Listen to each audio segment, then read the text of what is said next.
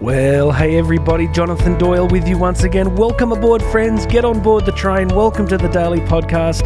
So good that you're listening. I'm imagining where you are, sitting on a beach with a daiquiri in one hand um, and uh, something delicious in the other. Perhaps you're driving in the car, perhaps you're uh, sitting on a train or a bus or a plane. Who knows? I know that all of you would probably take the beach daiquiri option if you could. But uh, great to have the pleasure of your company. Would you do me a favor? Would you make sure you've subscribed to this humble little podcast? Hit that subscribe button and go and check out all the show notes because you can uh, book me to speak, you can book me live, you can, uh, what else? You can get free access to my book, Bridging the Gap and you can come across to the YouTube version. All the links are there. So if you want to find out more about me, how to contact me, it's all there. And if you like the podcast, would you leave a review? And I'd love it if you could share this with some people. You ready? Oh, friends, welcome to the complexity of my mind. Today's episode is going to have a bit of everything. There's a whole bunch of things that I want to rip through. Uh, they're punchy, they're short. We're going to get back to Marcus Aurelius in a minute. It's been a big week. We have covered some ground this week in the podcast and the video version. So please, uh, if you've got the time, have a sneak around, have a look around through the the last few days of episodes because we have covered so much. You know, it's interesting. I was going back through the uh, the analytics of the podcast and the video versions, the YouTube versions, and the episode recently on toxic people uh, and dealing with guilt is just stratospheric. It's been really interesting. I, I, was talking to a friend yesterday and I thought, my gosh, there must be a lot of toxic people in people's workplaces. So, look, if that's interesting to you and if you've got other questions, would you do me a favor? Just reach out, jonathan at jonathandoyle.co.co, jonathan at jonathandoyle.co, or come across to the YouTube channel and put a comment in there about something you want me to cover because I am convinced the best episodes are. Um, the episodes that you pick and choose. Today, friends, I was uh, having some time in prayer and meditation this morning, and I felt it was important to share with you. Uh, it just came out of nowhere a reminder of the complex conflict between um, between Abraham Maslow and Thomas Merton. Now, some of you listening are going to recognize those names and have all sorts of preconceived notions, but just let me uh, riff on this for a second. I want to talk to you, uh, just of course, about uh, nothing other than the meaning and purpose of life. Let's just jump into the easy stuff first. What is the meaning and purpose of life? When I was doing my second master's program, I did a major paper on Abraham Maslow. Um, Obviously, most of you would be familiar with Abraham Maslow's hierarchy of needs. He developed a system of uh, structuring the ways that humans gravitated towards different things and how we structured our desire, basically. And, you know, it goes to the most basic level of food and uh, water. If you don't have that, then you don't really think about anything else. You've got to get that first. After food and water, you start to think about shelter. And it goes all the way up. And Maslow's highest level of um, you know of human needs was the need for actualization, which was you know basically he said that humans have a need to achieve or to bring into reality the potential that they have. So for Maslow, the highest point of existence was to fully realize your potential and talent. Now, that sounds all very well and good, and everyone's been drinking that Kool Aid for a very long time. Um, I just don't think he's right. And also, Maslow was a seriously strange cat. Uh, he was not up there as basically depraved, wicked, and evil as um, Alfred Kinsey, but Maslow was pretty pretty interesting dude. Um, you know, spent time in nudist communes, and um, you read the biographies. He was into some pretty interesting things. Doesn't mean his ideas are to be cast aside. It just means. I don't know. None of us are perfect, but I kind of think if you if you're generally cooperating with goodness and truth and good stuff, you bring out good stuff. Um, but anyway, let's. The purpose of this discussion is not to you know retrospectively judge the moral veracity of Abraham Maslow's arguments. But here's what I want to do. Um, years ago, I was reading the biography of Thomas Merton, who was an interesting guy. He he was he actually wrote a book that was a New York Times bestseller called The Seven Storey Mountain, which was a spiritual biography of his life. Um, he was a Catholic monk who, towards the end of his life. Trust me, went screaming off the reservation and um, got into some pretty weird stuff.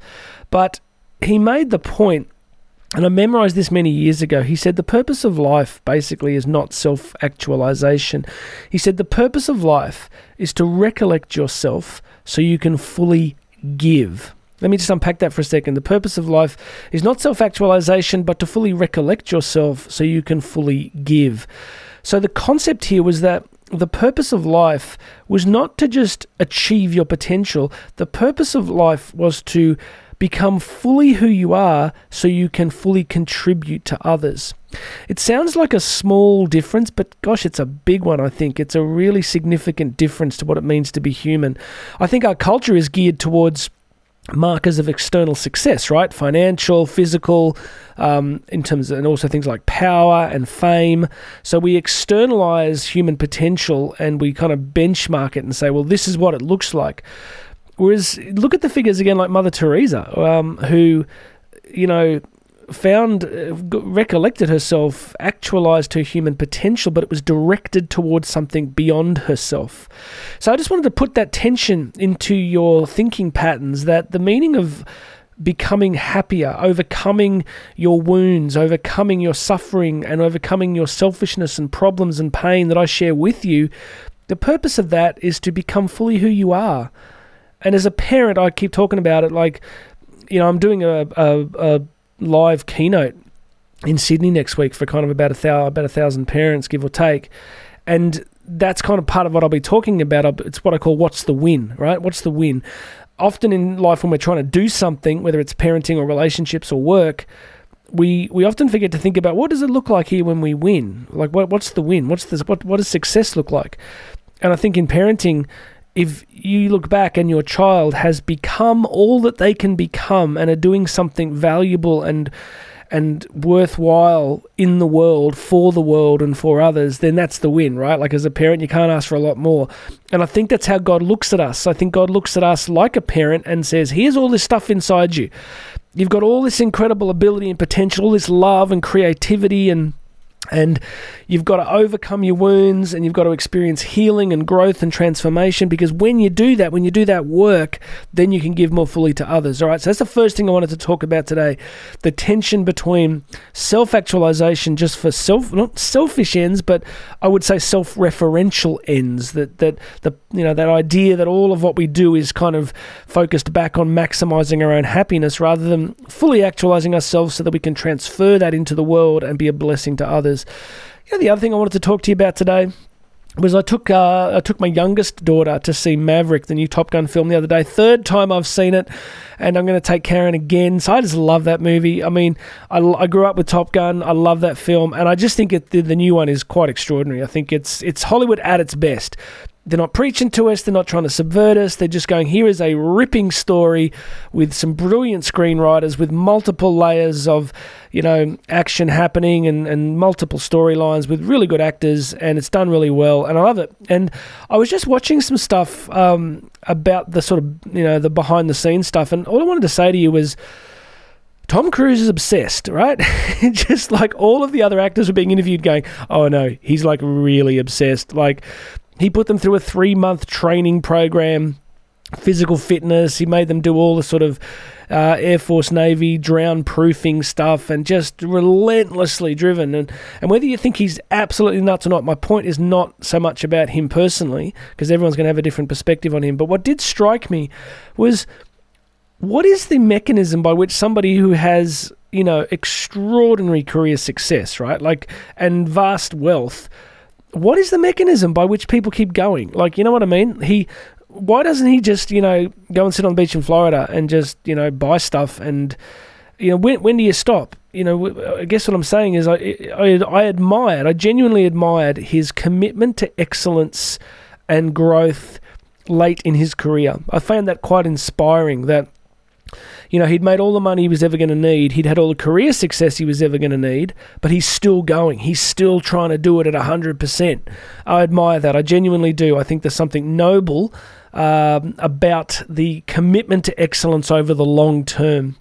So I just want to say to all of us, like, what would that obsession look like, you know, for each of us? I've been talking about Cam Hanes's book in recent episodes, Endure. I really found that book helpful. I've done some episodes recently about obsession. I, I look, obsession interests me. I, I just get, I just, I don't want to get to the end of my life and it just whimpers out. And I kind of, and this is not a judgment on anybody. I'm not saying that all of us have to do full on intense stuff. I said, what all of us have to do is live fully, is to fully take what we could do and be and bring it into reality. Like I just said at the start of the podcast. So, you know, love him or hate him, and I don't know what he's like as a person. I know he's in, you know, the Scientology stuff's pretty out there, blah, blah, blah.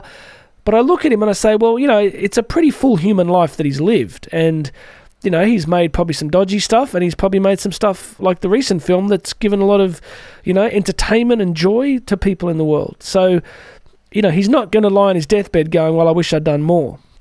So this drives me, and I think, as I said to you in a recent episode, it drives me because, you know, my own father, God rest his soul, really struggled with this. He was somebody who struggled terribly with depression, with his weight, with his health, and really hating his career. You know, I was telling my son the other day, my father, God love him, was forced into a career that he hated, and you know, he was forced into construction, uh, senior construction management, which you know is brutal. It's a tough game where you got to bust a lot of heads, or as Lenin said, you know, to make an omelette, you got to break a few eggs, and I, I actually felt intuitively my father probably wanted to be an artist or a landscape gardener.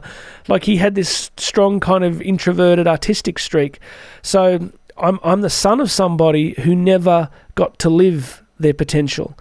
And I'm very transparent that probably a lot of what drives me is having seen that and feeling a sadness and a grief over it and not wanting to replicate it you know, tomorrow it's Friday here in the studio. Tomorrow, um, my oldest daughter and I got into surfing a lot. I mean, I grew up with it a bit, but you know, it's midwinter here. Tomorrow morning it'll be well below zero, but we'll be up at like 4 a.m. We're going to drive two hours to the coast. We will be in the water at seven. It'll be freezing. We'll surf for two and a half hours. We will jump out of the water at about 9:30, turn all the way back, drive immediately back two hours because she's playing soccer at 2.30 so I could sleep in. She could sleep in. But both of us are kind of like, yeah, we want to do this. We want to do this. And we do it most weekends.